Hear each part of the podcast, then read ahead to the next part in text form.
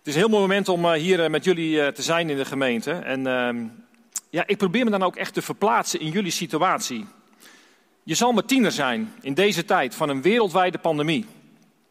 Jullie hele leven is er eigenlijk door veranderd, net als het leven van de volwassenen. Het leven was al een beetje complex, zonder corona. Maar nu, je hele dagstructuur is veranderd. Naar school gaan is er niet meer bij. Het lekker chillen is er, nou ja, bijna over. En dan heel de dag thuis online lessen volgen. Nou, ik hoor regelmatig als ik vraag hoe gaat het? Saai. Saai. Goed. Nou, en dan kijk ik wel eens even zo door eh, de schuifdeur en denk ik, nou, volgens mij ben je met andere dingen bezig. Maar goed, je moet ook af en toe een oogje dichtknijpen hè, als je tiener bent in deze tijd. Ik zie het ook wel eens op mijn werk hoor. Ik was denk van, nou, volgens mij is niet iedereen altijd 100% eh, geconcentreerd. En dat geeft ook helemaal niks. Je hebt ook allemaal ontspanning nodig. Maar de tijd van chillen en feestjes en je verjaardag vieren. Wanneer heb je eigenlijk je verjaardag voor het laatst gevierd? Oei, misschien al een jaar, twee jaar geleden. En ik kan me heel goed voorstellen dat jullie dit als een teleurstellende periode ervaren. als volwassenen denken wij dan in ieder geval, kunnen we wat meer naar achteren stappen en kun je zien wat je allemaal meegemaakt hebt en de mooie periodes in je leven en waar je heel veel dingen kon. Maar jullie zitten nog in de fase van je leven dat je nog niet zo gek veel van het leven gezien hebt, met alle respect. En als je dan nu in zo'n periode komt, dan denk ik, wauw, wat moet het voor jullie echt complex zijn. En dan ben je nog opgegroeid in een christelijk gezin, of je hebt met het geloof te maken gehad. En hoe zit het dan met God? Wilde God aan deze pandemie? Kon hij dan dat virus ja, niet tegenhouden of zo? Of kon dat niet gewoon ergens in, in China blijven? Kon dat niet gewoon stoppen in Italië? En, en, en, of kon dat niet stoppen in Brabant? Of, en waarom heeft dat nou mijn leven geraakt? Ik kan me zo goed voorstellen dat je zegt, ja, als God nou alles kan.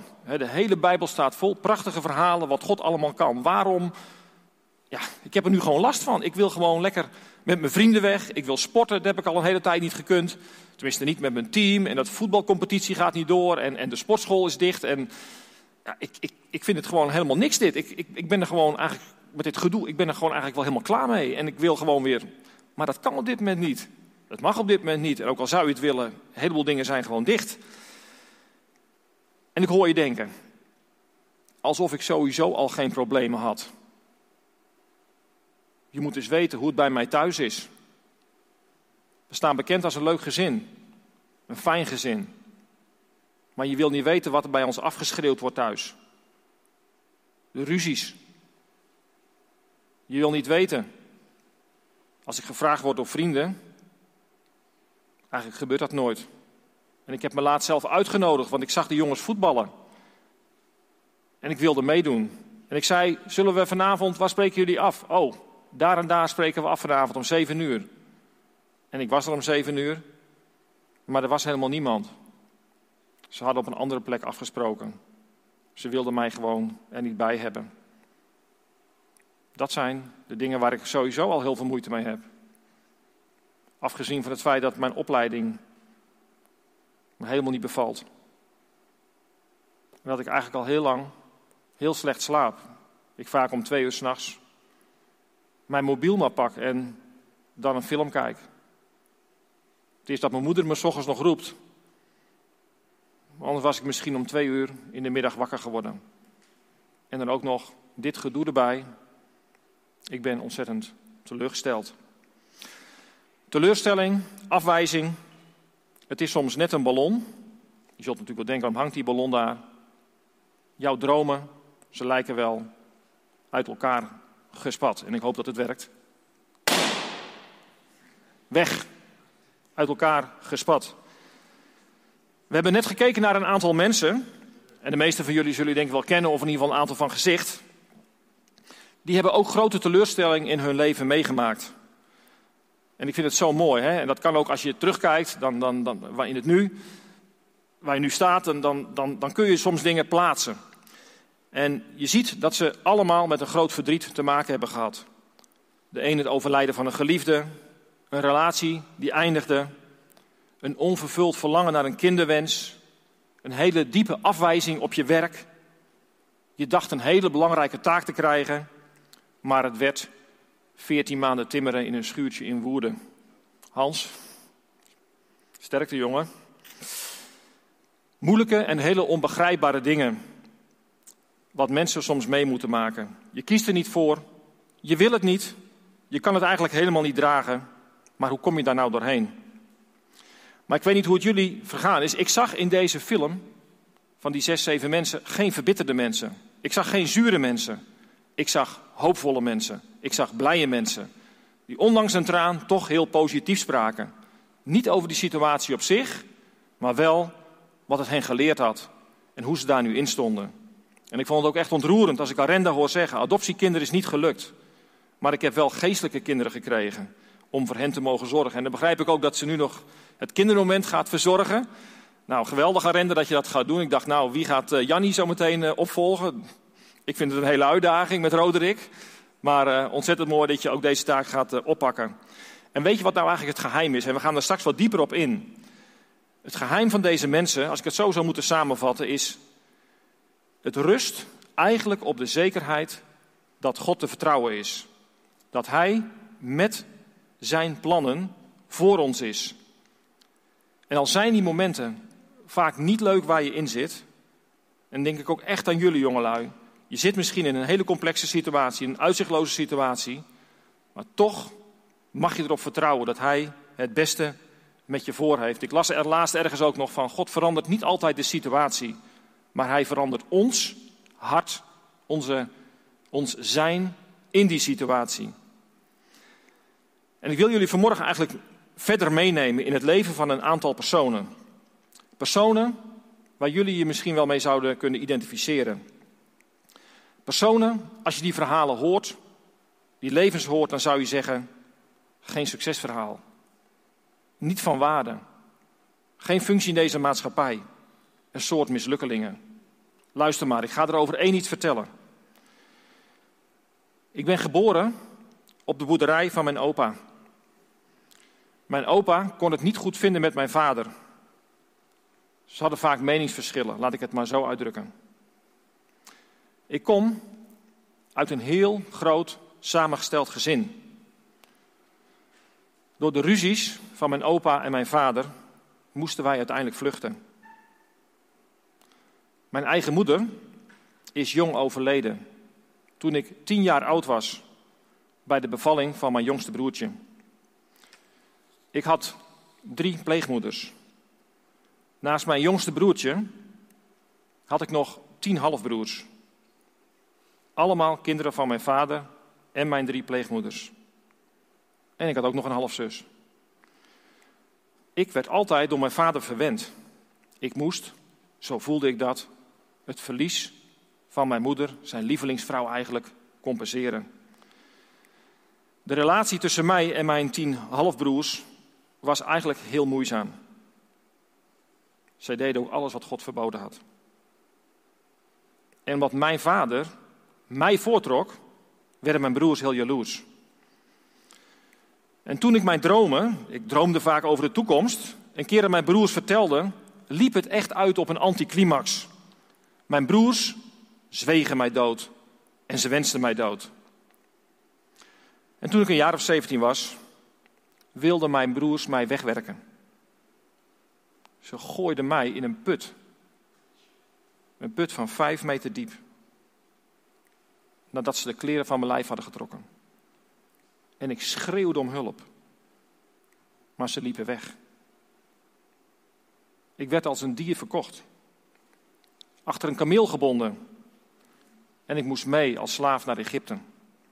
Ik zou mijn familie nooit meer terugzien. Ik moest als slaaf werken in het huis van Potifar. Daar had ik toch, ondanks alle spanningen, best een leuke tijd. Ik begon weer te hopen, te hopen op een toekomst. Maar door valse beschuldigingen kwam ik daar jarenlang in een gevangenis terecht.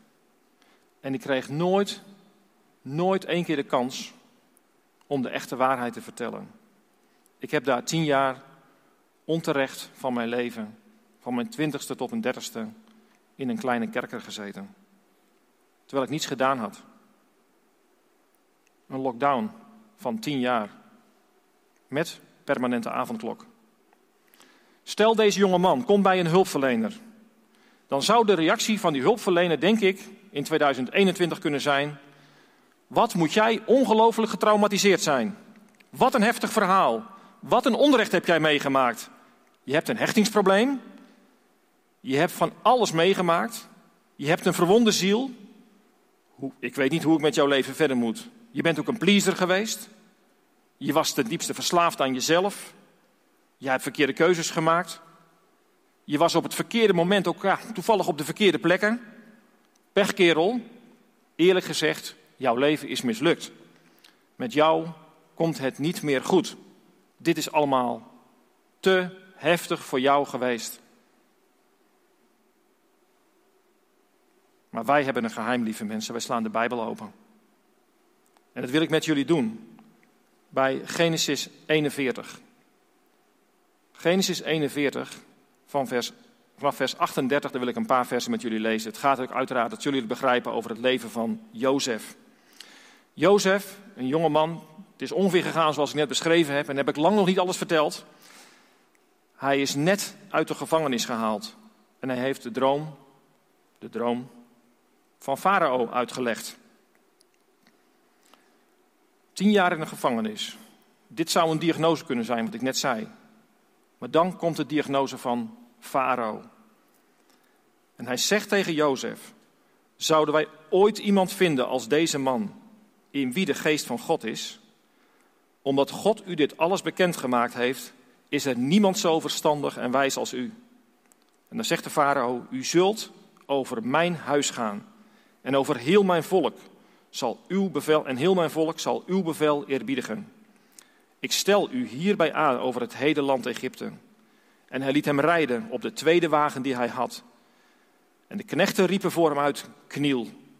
Zo stelde de farao Jozef aan over het hele land Egypte.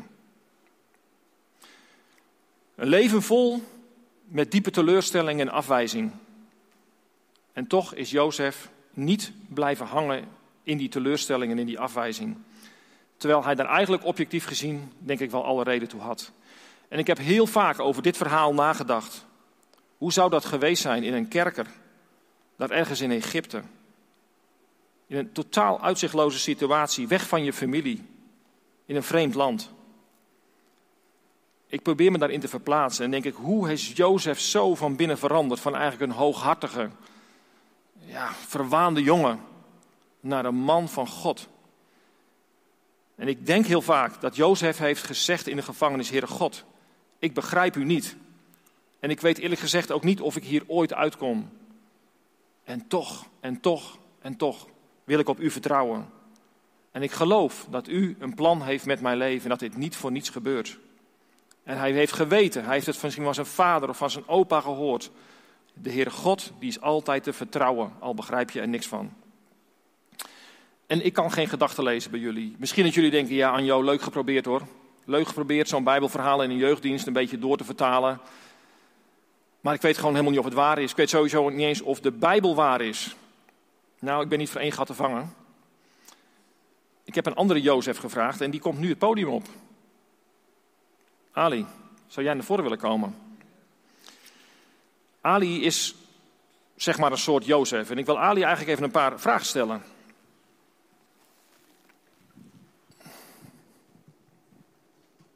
Ja, goedemorgen allemaal. Dus, Ali. Uh, voor mij is. Uh, Ietsje dichter, ja. Is het... Zo. Ja, is goed. Goedemorgen allemaal, ik ben Ali, dus uh, uit Afghanistan. Voor mij is echt zenuwachtig de eerste keer dat ik op podium Oké, nou ik denk dat Jozef ook wel zenuwachtig was toen hij bij de farao moest komen. Dus wat dat betreft begeef je goed gezelschap. Ja, dat denk ik ook. hey, maar jij komt uit Afghanistan, Ali.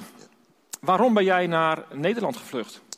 Ja, ik had een, een, relatie zeg maar, met een meisje gehad. Dus die vader wou gewoon niet dat ik met haar relatie heb.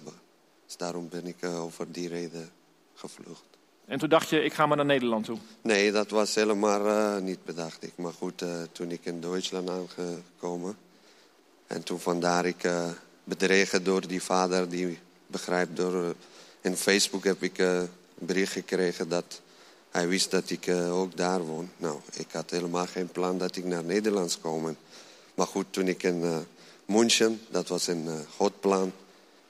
Toen die in het station had, zeg geen kaartje voor een ander land, maar hebben we een kaartje voor Nederland. Ja, toen ben ik eigenlijk naar Nederland gekomen. Zo van, doe dan maar Nederland. Ja. Ja. Hey, en nu heb jij sinds een aantal weken een verblijfvergunning gekregen. Ja, God zijn dank. Ja, dank je. Hoe lang heb jij in de onzekerheid geleefd van het moment dat je bent gevlucht uit Afghanistan tot eigenlijk twee weken geleden? Ja, ongeveer uh, vijf en een half jaar, zeg maar. Vijf en een half jaar. Ja. ja, en ik ken jou al een jaar of vijf, denk ik ongeveer. Dat denk ik. En ik heb heel vaak, en dan zeg ik, ja, als je Ali wat wil vragen, dan moet je altijd heel snel zijn. Want Ali is altijd, altijd heel snel, hoe is het met jou? dus dan denk je, begin even netjes, hè, dan, hoe is het met jou? Maar dan begin ik en dan zegt Ali, hoe is het met jou? Zegt hij. Ja. En dan zeg ik dan altijd, hoe is het met jou? En Aarde zegt, altijd komt goed. Dat was vijf jaar geleden zo. En toen ik Ali vier jaar geleden sprak, komt goed. Drie jaar geleden, kom goed. Ja. Twee jaar geleden. En zo heb ik jou altijd leren kennen, Ali, als iemand die altijd zei, komt goed. Hoe kom jij aan dat komt goed? Waar, waar heb je dat, hoe is dat geboren? Hoe is dat ontstaan bij jou? Ja, dus uh, wij hadden net gezien in de scherm, zeg maar, dat heel veel mensen kregen ze altijd teleurstellingen. Dat had ik ook. Bij eerste procedure, zeg maar, toen mijn procedure is afgewezen. Dus ja, ik heb uh, een periode bijbelstudie gehad, zeg maar. En uh, ja, hebben we een christendom en met zo'n grote relatie, dat, dat die heeft ook teleurstelling, zeg maar, ervaren. Wij zien volgende week in de paas, zeg maar, een verhaal van uh, Gethsemane de Heer Jezus zelf biedt uh, aan vader, ja. Hmm. Vader wil ik die uh, beker van mij af. Maar uh, ja, niet ik wil, maar u wil. Maar die gebed gaat naar hemel. Maar vader zegt niks. Omdat die had ook plan voor eigen zoon. Dat hij die naar kruis gaan. En voor jou en voor mij. Sterven en weer opgestaan. En die zit in de rechterkant van de vader. Dus ik wist ook dat ik ben een kind van God. Dus God heeft altijd voor mij een plan. Dan zou ik nooit de plannen van God zeggen dat is slecht. Omdat God houdt van mij. Dus daarom altijd ik zeg, kom goed. Ja. Kom goed. En als, de uitkomst, en als de uitkomst nou anders was geweest, stel voor dat je nou, dat je nou geen verblijfsvergunning had gekregen, had je dan ook nog geloofd dat het. Ja, 100%, je dan die woorden herhaald? 100% Dat had ik tegen IND ook gezegd. Ik zeg, ik ben bij u zwak. Maar ik ben door liefde van Jezus Christus ben ik zo kracht. Als je u dat nu beslist dat ik naar Afghanistan, ik heb geen probleem. Omdat 350 keer in de Bijbel staat, wees niet bang, ik ben met jou. Hm. Dus ja, die heb ik altijd. Ja. ik vind het echt ongelooflijk, Ali. Ik, eh, ik, heb je al heel vaak gesproken, ook de laatste weken. Ja. Nou, ja, ik heb, hier raakt het mij ontzettend weer. Denk ik, dit is geloof. Hè? God vertrouwen terwijl je het ook, uh, ja, de uitkomst niet weet. Dankjewel. Dus God heeft voor iedereen een speciaal en privéplannen. Dat was voor mij ook zo. Hm. Dus uh, gewoon kom goed. Alles komt goed. We hebben het vanmorgen over, hè? Gods plan is altijd goed. Hè? Is God ook... Ik heb er een vraagteken, had ik erachter gezet, en ook een uitroepteken. En ga je voor die uitroepteken of ga je voor die vraagteken? Nee, uitroepen altijd. Voor? Uitroepen gewoon. uitroepteken. ja. ja. ja dat doet nog voor allerlei dingen. Soms misschien biedt wel uh, gewoon, ik wil een, een goede baan. Ik wil, kijk, als ik in mijn leven kijk, weten jullie toch. Ik heb alles in mijn land. Ja, garage, geld, alles. Maar dat is niet belangrijk voor mij. Hmm. Belangrijk dat ik ogen dicht doe, ben ik bij Jezus Christus.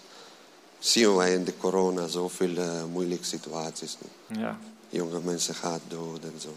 Maar wij 100% eeuwig leven. En dat is voor mij alles. Nou, halleluja. Dankjewel, Ali. Bedankt voor nu ook. Ja.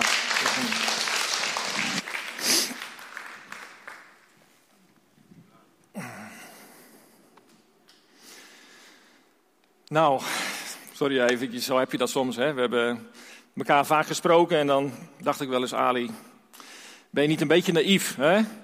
Het is niet een beetje wishful thinking, maar Ali heeft ook recht laten zien dat God betrouwbaar is. En ook het antwoord met name, hè, op het moment dat het anders loopt dan dat je denkt, ja, dat, is, dat gaat gewoon heel diep. En ik denk altijd van, wat kunnen we hier nou van leren? En wat kunnen jullie hier nou van leren? Het leven is soms gewoon heel moeilijk en uitzichtloos. We zitten in een lockdown, we weten niet hoe het verder gaat. En ik probeer dan eventjes dat verhaal weer af te pellen. Van Jozef en ook eigenlijk het verhaal van Ali. Je zal dan maar in die put zitten. Daar zat ik ook nog even over na te denken. Jozef in die put. En dan staat er verder in de Bijbel dat die broers een kilometer verderop met elkaar een feestje gingen bouwen. Moet je je voorstellen, je ene broer zit ergens in de woestijn in een put. Vijf meter diep naakt in een, in een, in een ja, lege waterput gegooid. Of misschien stond er nog wel een beetje water in. En die, vijf, die, die tien broers gaan een kilometer verderop om het geschreeuw, denk ik, van Jozef niet aan te horen. Verderop een lekker ja, feestje bouwen. Wat zal Jozef gesmeekt hebben om redding, om verlossing en haal meer uit? Wat zal die sorry geroepen hebben? Wat zal die gesmeekt hebben van spaar mijn leven, lieve, lieve broers? Eén ding vond ik heel mooi daarin. Dat je eigenlijk ziet van hij kon niet naar links, hij kon niet naar rechts, hij kon niet meer naar beneden, maar hij kon wel omhoog kijken. En ik weet helemaal niet of hij gebeden heeft op dat moment. Maar ik weet wel, dat zie ik dan zo even, dat God in de hemel Jozef wel zag. Gods oog is niet van Jozef afgeweken. En um, ja, ik, zit even, ik zat ook een klein beetje met de tijd, want we zijn wat dingen uitgelopen. En we hebben ook het interview met uh, Ali gehad. Ik zit even een klein beetje te kijken van, sla ik een stukje over of uh, gaan, we, gaan we gewoon uh, door? Nou, ik sla een klein, een klein stukje over, dat geeft ook verder niet. Ik wil even nog stilstaan bij het leven van een andere jonge man. En dat is niet zomaar een jonge man. Zijn naam is vanmorgen al meerdere keren gevallen. Het is de Heer Jezus Christus. Hij kwam uit de hemel, hij kwam eigenlijk heel tastbaar en zichtbaar naar ons toe. Niet opvallend. Maar ja, het opvallende was zijn wieg stond in een stal, als je daar al van kon spreken. Hij groeide op in een gewoon gezin. Hij speelde, hij werkte en hij werd een volwassen man. Het staat niet letterlijk in de Bijbel, maar ik kan me heel goed voorstellen dat hij ook vriendjes had waar hij mee optrok. Hij zag de ruzies, hij zag de verkeerde dingen om hem heen. Hij zag ook de moeilijkheden. En wij denken wel eens, wij hebben het moeilijk. Maar reken maar dat we 2000 jaren geleden de jeugd het ook niet altijd makkelijk had. Hij zag de trobbels waar de jeugd mee moest dealen.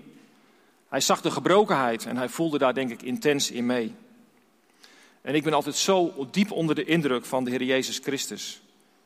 Hij is het werkelijk, lieve mensen. Hij is werkelijk degene die het verschil kan maken. Want hij kent onze teleurstellingen, hij kent onze afwijzing. Hij weet van onze dromen die uit elkaar gespat zijn, waar helemaal niets van over is. Hij heeft meegeleden met Jozef in de put, meegeleden met Jozef in de gevangenis. Hij heeft meegelopen met Ali tijdens zijn lange zoektocht naar een veilige plek. En ik durf zelfs een stapje verder te gaan. Jezus Christus was er zelfs bij in de situatie. Voor ons en voor mijn idee is hij vaak de afwezige. Maar ik vertrouw er echt op dat hij onzichtbaar in de situatie aanwezig is. En ik wil nog een stapje verder gaan. Waarom kwam Jezus uit de hemel naar de aarde? Waarom leidde hij net zo'n leven als jij en ik? Dat is zijn liefde. Zoveel hield hij van jou en van mij, dat hij besloot om naast jou te lopen, om naast jou te zitten, om jou te zegenen, ik vind het ook altijd zo mooi hè, met het opdragen. Je zal zeggen, ja, je hebt het al honderd keer gehoord, misschien wel vijfhonderd keer gehoord. Hè, dat de Heer Jezus de kinderen bij zich roept. Heel specifiek, tussen heel die mensenmassa. Hij vraagt hij de kinderen naar voren. En hij zegende ze. En wat is zegenen nou? Dat is ook zo'n woord. Zegenen, dat is goede woorden uitspreken. Woorden, daar geloof ik heel sterk in, die hebben kracht. En misschien ben jij al heel vaak uitgevoerd thuis. Misschien ben je al heel vaak uitgescholden. Nietsnut. Waardeloos figuur. Misschien is het niet eens zo hard gezegd, maar heb je het wel zo ervaren. Misschien is het je non-verbaal heel vaak duidelijk gemaakt. Jij hoort er niet echt bij. Jij bent niet van waarde. Emmers vol, lelijke woorden soms over je heen gekiept. Maar dan adviseer ik je, luister naar de krachtige woorden van de Heer Jezus. Hij spreekt goede, zegenende, helende woorden vandaag over jou uit. Jij bent van waarde. Ik ben begaan met jouw leven, waar je wieg ook gestaan heeft. Ik heb je onvoorstelbaar lief. En ook, ik wil je alles, alles vergeven. Ik spreek er wel eens over en mensen vinden vergeving vaak een heel lastig woord. Omdat ze zeggen, ja, het zijn woorden. En ik zeg dan heel vaak, denk er nou een beeld bij. Het is heel vaak net als een steen die in de zee gooit. Dat is vergeven, het is weg. Als je een keer op vakantie bent geweest en je hebt een keer een steen in een grote meer gegooid. En je komt een jaar later. Dan weet je het helemaal niet meer dat jij die steen gegooid Het meer is niet veranderd, je mist die steen ook nergens. En dat is vergeven. God doet het als het ware weg. Hij gooit het in de zee van de eeuwige vergetenheid.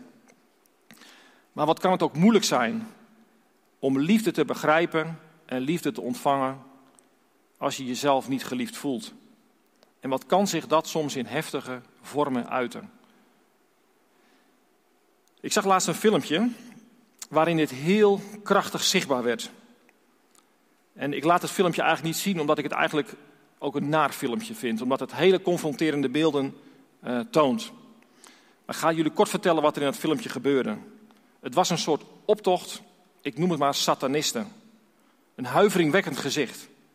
Bloed op hun gezichten gesmeerd, afbeeldingen met doodskoppen, horens op hun hoofd. Het straalde niets anders uit dan dood en ellende. Rechtstreeks op weg naar de ondergang. En een van deze personen in die optocht, die werd aangesproken door een evangelist. En deze evangelist begon een gesprek met een van deze mensen. En hij vertelde hem over de liefde van God. En die evangelist die vertelde ook over zijn eigen leven. Hij had een buitengewoon turbulent leven achter de rug. Dat hij zonder God had geleefd, maar dat God in zijn, hij noemde het letterlijk, nou, in zijn shit hem had opgezocht. Die hij zelf veroorzaakt had. En zijn leven had letterlijk aan een zijden draadje gehangen. Maar dat God hem had aangeraakt en hoe hij, hoe hij daarover vertelde. Hij raakte heftig geëmotioneerd, die evangelist. En hij, dan zie je op dat moment de liefde van God in iemands hart, die, die, die het wel uit zou willen storten over deze man. En ik zag bij die man wat veranderen. En dan zie je op dat moment gewoon het, het, het krachtenveld tussen het kwade en het goede. En ik vond het zo mooi en het raakte me echt enorm op dat moment dat die, dat die evangelist naar die man, hij had dus ook, ook, tatoeages op zijn hand met doodskoppen en kruisen op de kop. Verschrikkelijk, je zou, je zou wegdeinzen. En wat deed deze evangelist? Hij omhelsde hem. En hij zegt, mag ik voor jou bidden? En dat gebed ging zo. Hij zegt, vader, ik bid u, zegen mijn vriend. Zegen mijn vriend. Hij noemde hem geen satanist. Hij, hij keek niet naar, maar hij noemde hem mijn vriend. En ik moest zo denken, zo was de Heer Jezus ook naar Judas. Iemand die het helemaal had verprutst. Hij noemde hem toch vriend. Wat doe je hier al? En zo ja, wil ik eigenlijk ook duidelijk maken dat, dat wat dat betreft hoe je ook voelt. Hè, dat, dat er een barmhartige God en Vader is. Dat er een Heer Jezus is die altijd naar jou op zoek is. Wat er ook in jouw leven is gebeurd en wat voor ja, rotzooi je er ook van gemaakt hebt. We hebben hier vanmorgen goed nieuws. De Heer Jezus strekt zijn handen naar jou uit. En hij zegt tegen jou, met jou zie ik het zitten. Geef jouw teleurstellingen. En ik kan het helemaal niet voor je invullen. Maar ik weet gewoon, als je met mensen spreekt en je gaat even door het laagje heen van het gaat goed, dat er heel veel teleurstelling, pijn en afwijzing, vaak in zichzelf, maar ook in andere mensen om hem heen zit. En de Heer Jezus zegt, geef dat nou maar aan mij. Je pijn, je verleden, je verdriet. Hij zegt als het ware, zullen we ruilen? Zullen we ruilen? Dan krijg jij mijn vrede en dan neem ik jouw zonde op mijn schouders. Wat een mooie ruil is dat. Jij zijn vrede, hij jouw ellende. Maar Heer Jezus, waar gaat hij nou naartoe? Ik ga niet bij je weg. Ik loop naar Golgotha. Ik loop die weg alleen naar het kruis waar ik zal sterven voor jou, om jou weer in relatie, definitief met mijn relatie te brengen. Want voordat ik sterf, zal ik het uitroepen. Het is volbracht. Het is volkomen volbracht. Dat is het definitieve ruil. Ik, zegt de Heer Jezus, sterf voor jouw ellende, voor jouw afwijzing, voor jouw pijn, voor jouw teleurstellingen. En jij, jij krijgt mijn vergeving. Jij krijgt mijn vrede. Jij krijgt mijn hoop terug. Dit zijn mijn gedachten over jou. Mijn plan met jou is altijd goed. Ik ben volkomen te vertrouwen, zegt de Almachtige. Amen. Ik wil een kort moment van gebed. Liefdevolle Vader,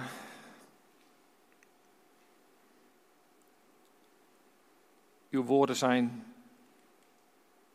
volkomen waar. En Heer, ik voel zo het gebrek ook in het spreken, dat je zo die welmenende woorden van u maar gebrekkig kunt overbrengen. Maar ik smeek u, Heere God, door de kracht van uw Heilige Geest, om het te brengen in de harten. Om de deuren die vaak zo dichtgeroest zitten te openen met uw Heilige Geest. En om die onvoorwaardelijke liefde binnen te laten komen. Die roepstem van die meester die met zijn handen wijd uitgespreid staat en zegt: Kom bij mij, allen die vermoeid en belast zijn, en ik zal je rust geven. Ik ben de weg, ik ben de waarheid en ik ben het leven. En wie tot mij komt, die zal ik niet tegenhouden. Die zal ik ook niet wegsturen, maar die zal ik omarmen. Hier, als we dat evangelie toch zouden begrijpen, dan hoeven we nooit meer bang te zijn. Dan kunnen we echt zeggen, het komt altijd goed. Heer, kom ons te hulp in onze strijd. Misschien is het te groot, misschien pakken we het niet. Misschien zit er te veel pijn om het binnen te laten komen. Het verhaal van Jozef. Het getuigenis van Ali. Maar bovenal, Heer Jezus, uw weg. U bent uit de hemel naar ons toegekomen om naast ons te zijn. U was bij Jozef in de put. U was bij Jozef in de gevangenis. U liep mee met Ali. U zat misschien wel in de trein naast Ali, alleen Ali wist het op dat moment niet. Heer Jezus, u bent wel verlaten door uw Vader. Om ons in relatie met u te brengen. Halleluja, geprezen zij de naam van de Heer Jezus Christus, van nu aan tot in alle eeuwigheid. Amen.